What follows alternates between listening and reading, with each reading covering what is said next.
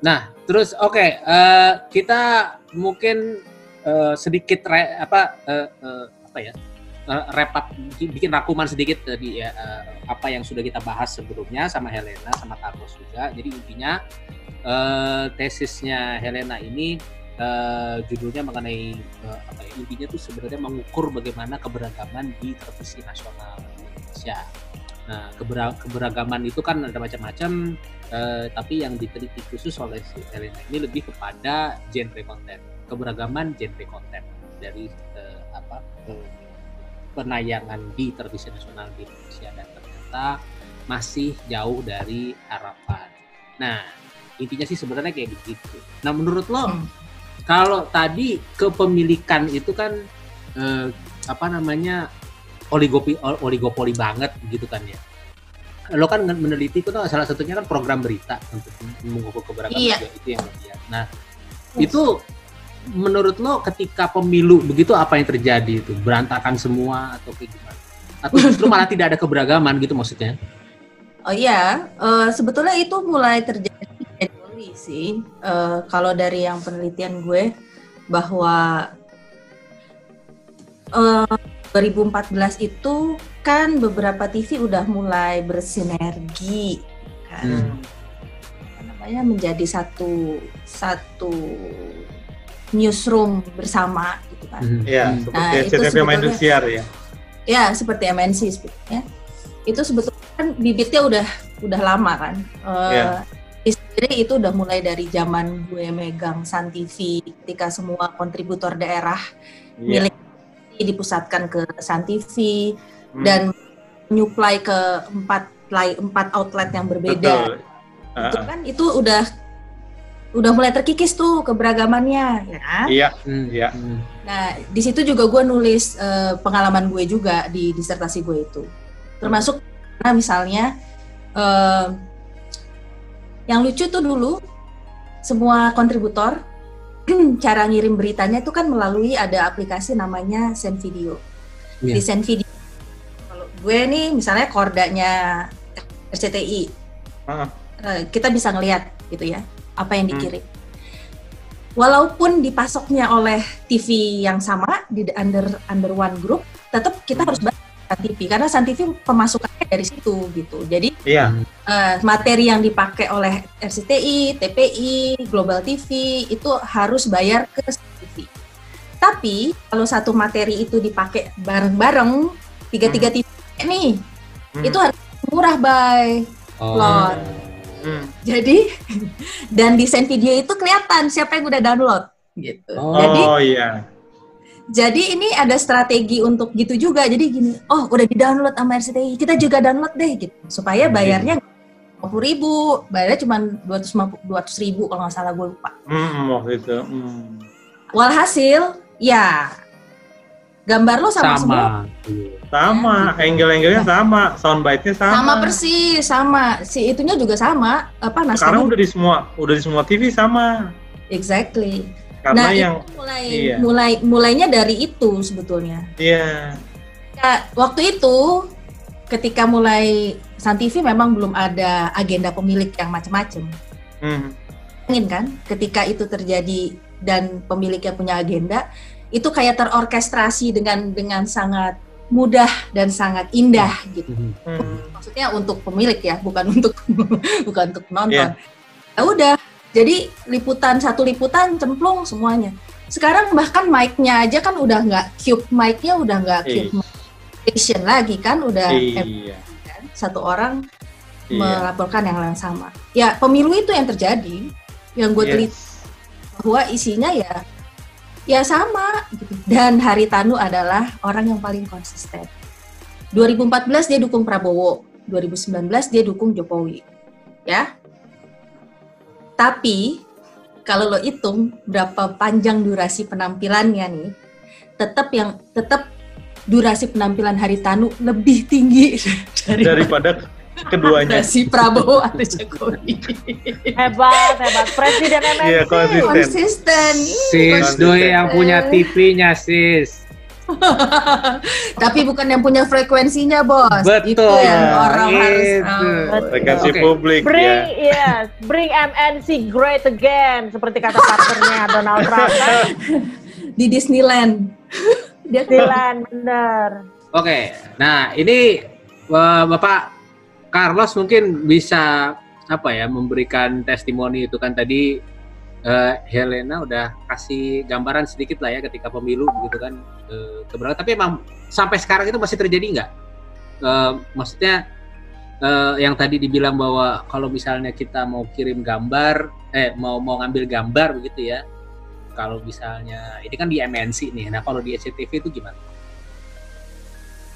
Ya, jadi kan eh, apa namanya betul betul yang Helena bilang tadi, artinya eh, kalau di grup MTEK, kalau di grup MTEK kami memang cikal bakal terja apa cikal bakal terjadinya eh, satu dapur, eh, tapi dua masakan ya, tapi dua koki, eh, tapi pembelanja apa pembelanja bahan-bahannya itu satu gitu ya. Cikal bakal itu memang kita eh, sudah dari 2003 2013 ya ketika eh, ketika Indosiar itu dibeli oleh SCTV. Nah kemudian dari situ eh, terjadilah apa? Terjadilah penyat, penyat, penyatuan ini apa namanya eh, newsroom. Jadi betul-betul eh, server yang digunakan itu eh, satu server. Jadi eh, liputan 6 SCTV newsroomnya itu integrated news newsroomnya itu kemudian eh, dari sa- sat- satu lantai itu kemudian eh, krunya da- kru Indosiar kemudian bergabung di lantai yang sama. Jadi yang terjadi adalah eh, tim news gatheringnya satu gitu ya, tim news gatheringnya satu menggunakan server yang sama, tapi kemudian juru masak juru masaknya kokinya itu berbeda. Eh, eh, produser siangnya liputan sama SCTV berbeda eh, berbeda cara pengolahannya dengan eh, produser fokus siangnya Indosiar gitu ya. Jadi kira-kira kira-kira misalnya pembelanjanya itu pembelanja yang belanja ke pasar news gatheringnya itu belanja bahan-bahan sup gitu ya. Nah nanti eh, yang duluan masak adalah eh, fokus Indosiar karena mereka waktu itu mulainya eh, di 30 menit di depan kita ya artinya kami liputan 6 siang tayang jam 12 mereka itu 11.30 karena sebelumnya ada patroli nah mereka mungkin masaknya eh, supnya sup eh, sup daging dengan kentang tapi kemudian eh, liputan 6 SCTV eh, ya dengan apa dengan dengan keberadaan juru masaknya eh, masak supnya mungkin banyakkan kolnya atau banyakkan buncis eh, terus da- dagingnya lebih sedikit. Kira-kira kira-kira seperti itu. Jadi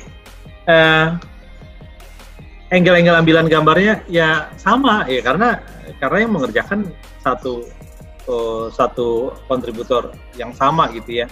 Nah tapi dilalah seperti itu ternyata di daerah yang terjadi adalah kontributor-kontributor itu juga seperti semacam apa namanya tengkulak berita gitu ya. Jadi yang liputan tuh eh, ketika kemudian aku cari tahu yang liputan itu eh, tarafnya taraf anak-anak mahasiswa yang magang mahasiswa yang magang terus kemudian disuruh liputan kemudian videonya itu dibeli. Dan dibelinya bukan cuma oleh eh, kontributor SCTV Indosiar tapi juga kontributor yang lain. Sehingga Hmm. kemudian Hmm. ketika kita eh, sebagai juru masak komplain gitu ya ini ya ampun plek plek. Nars narsumnya sama. Angle angle ambilnya ambil gambarnya sama. Terus jadi kita bedanya apa gitu? Hmm. Iya kita eh, sebagai sebuah program berita yang eh, tayang di eh, televisi sinetron gitu ya. Kita kan udah kalah segala-galanya dari dari TV berita yang di Metro TV Iya. di Kompas TV dan TV One itu udah udah tayang dari jam 10 kita baru tayang jam 12 what else gitu? Nah akhirnya di situlah kami yang tayang eh, belakangan. Misalnya aku ya eh, kami liputan Amazing TV yang tayang belakangan. Karena Indosiar udah tayang duluan. Item yang sama materi yang sama kemudian kami berakrobat artinya Hmm. akrobat eh, pengemasannya supaya supaya jangan plok-plok sama ya macam-macam lah triknya, macam-macam akalnya. Apa kita minta update, artinya update situasi terakhirnya seperti apa atau kemudian kita apa kita gabungkan dengan uh, video pendek atau gambar-gambar pendek dari media sosial atau seperti apa. Nah, Hmm. itu eh, betul-betul terjadi dan berlangsung eh, berdasarkan pengalaman aku memang berlangsung eh, dari 2013 itu 14 bahkan sampai bahkan sampai sekarang gitu loh. Nah, eh, cuman artinya tadi mungkin dia apa namanya pemaparannya Helena hmm, paradoksnya itu seperti apa itu itu yang Oh, itu yang oke. belum terucap secara gamblang. Paradoksnya seperti Hmm. apa supaya aku dan Pira mu- dan apa Bayu dan teman-teman yang dengar ini mungkin bisa bisa eh, ambil eh, ininya apa garis garis besarnya. Ya, Paradoksnya ya. yang temuan penelitiannya seperti apa? Paradoks eh, ya paradoksnya adalah bagaimana ya itu tadi ketika kita keluar dari eh, era Orde Baru dan sangat ingin keberagaman, ternyata media kita malah sangat seragam. Paradoks kan? Jadi Hmm. apa outletnya boleh banyak, tetapi ironically and paradoxically isinya sama gitu. Dan yang mengkhawatirkan adalah sebetulnya eh, kalau MTech emang eh, dari sampelku ya kemarin yang aku teliti itu, MTech memang dalam hal kepemilikan yang mempengaruhi eh, newsroom itu memang lebih minim daripada misalnya MNC. Karena ya MNC kan memang apa dia benar-benar berpolitik praktis kan pemiliknya. Jadi benar-benar arahannya tuh eh, menurut beberapa teman yang aku wawancarai ya benar-benar jelas misalnya. Dan itu berlanjut nggak cuma di 2014 aja. Misalnya waktu eh pilkada. Eh Haritanu tuh nggak mau ada Ahok.